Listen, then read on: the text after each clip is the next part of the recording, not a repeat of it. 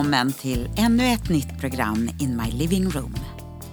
Jag heter Eleonora Lahti och idag ska vi lyssna till ett inlägg som heter Den gömda dagen. Det är höst och i Israel så firar man nyår nu. En väldigt speciell högtid som jag ska berätta för dig om. Känn dig välkommen!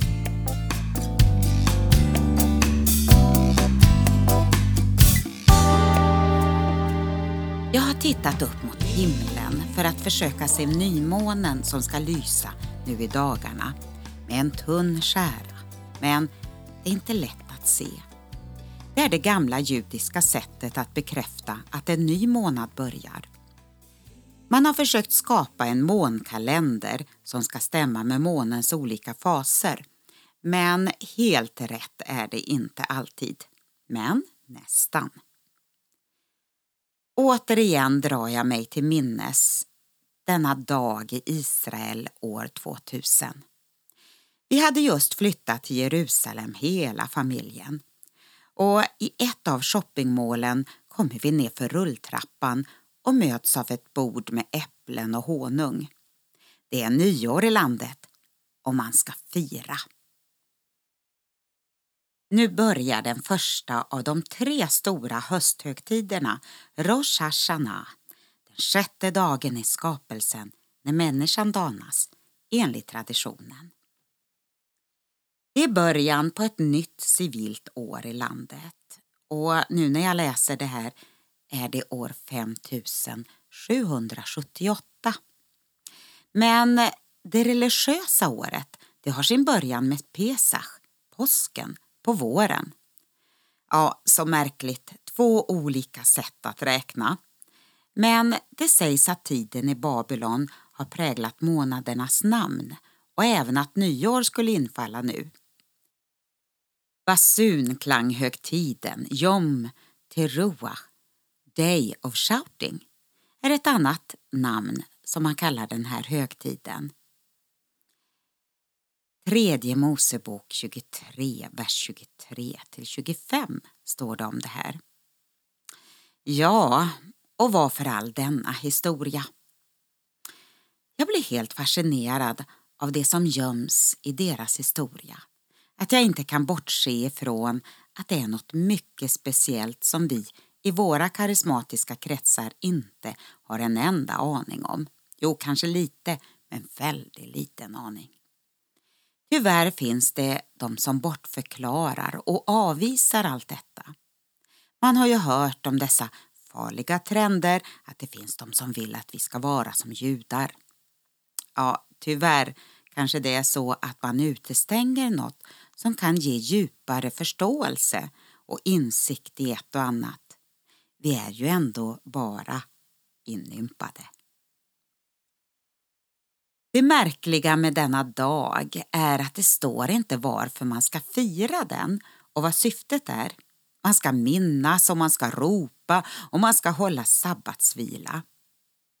I ordet teruah finns betydelsen att ropa, klappa, sjunga högljutt vid shofarens ljud och att prisa Gud högljutt på olika sätt.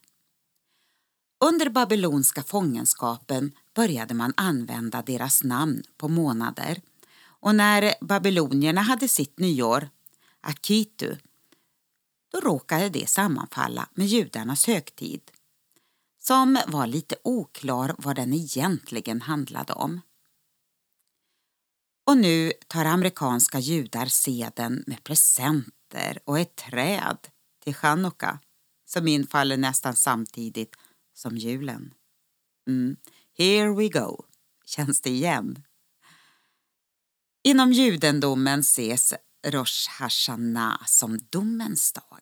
Men man litar på Guds nåd som då gör denna dag till en fest och en glädjedag. Man tänker sig att himlens port öppnas denna dag för att om tio dagar stängs sent på Jom Kippur, försoningsdagen.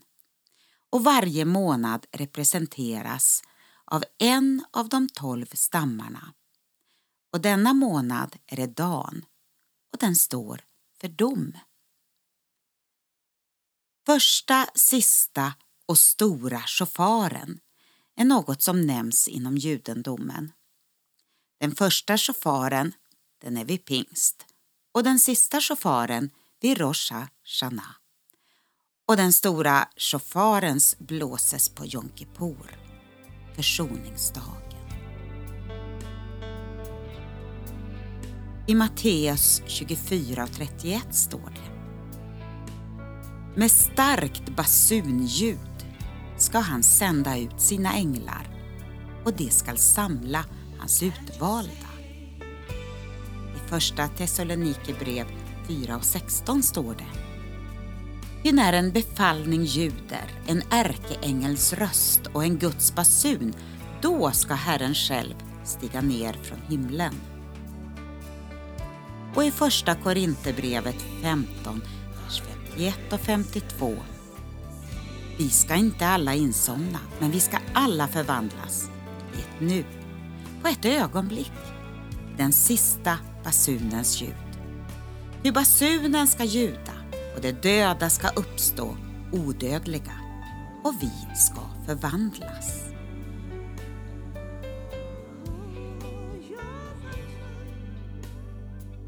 Eftersom Rosh Hashanah är den enda högtiden som infaller den första i en månad var det inte så lätt att veta när man skulle fira denna dag. Man väntade på att den svaga månskäran skulle visa sig för att veta när det var dags. Därför brukar denna dag även kallas för den gömda dagen.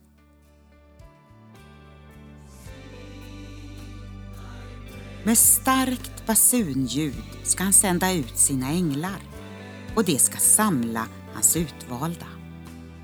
Men om den dagen eller den stunden vet ingen något. Matteus 24, vers 31 och 36.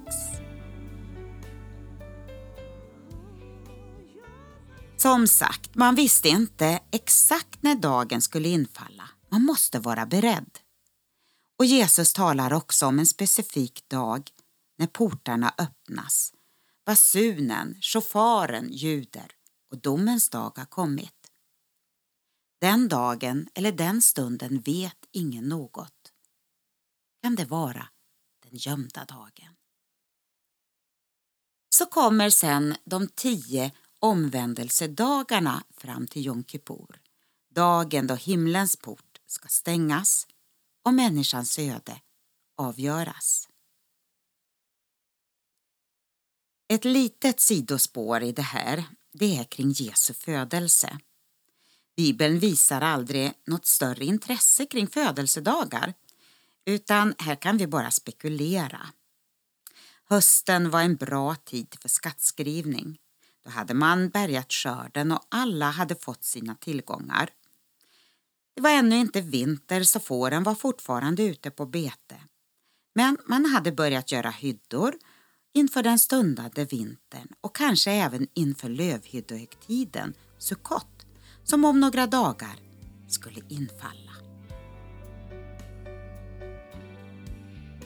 Jakob begav sig till Sukkot och byggde sig där ett hus. Åt sin boskap gjorde han sig hyddor och därför fick platsen namnet Sukkot. Första Mosebok 33 och 17. Och kanske var det så att Jesus föddes i en sucka. För det står, plötsligt var där tillsammans med ängeln en stor himmelsk här som prisade Gud. Ära vare Gud i höjden och frid på jorden. Människor hans välbehag. Lukas 2, vers 13 och 14.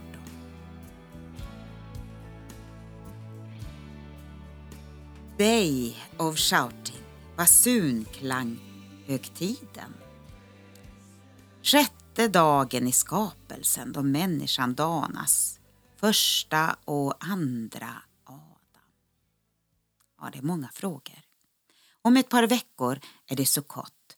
Också det är omnämnt som trolig tidpunkt som vi då ska titta lite närmare på. Inte för att det har någon ja, betydelse, men det har intressanta kopplingar.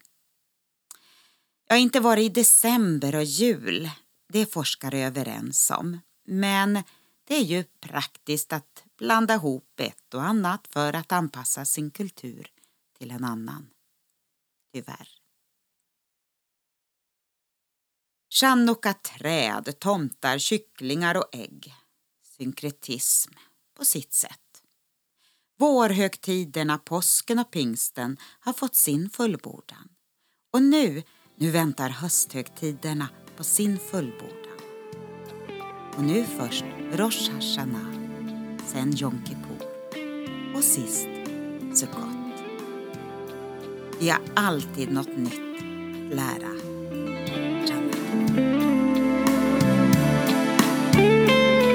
The sun and the moon, they will declare what's going on. The time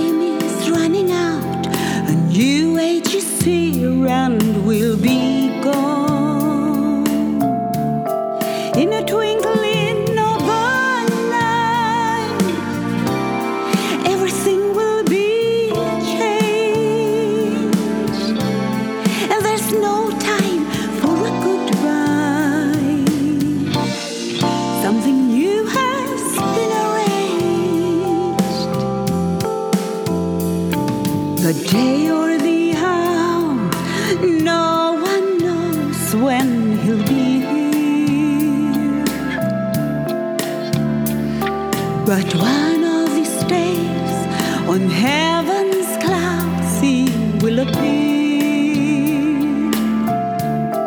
In a twinkling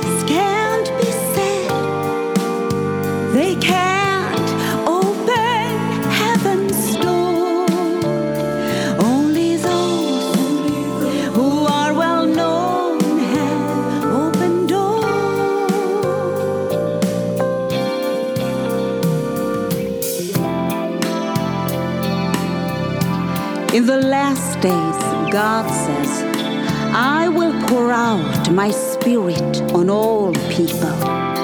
They will prophesy, they will see visions, and they will dream dreams. The day, the day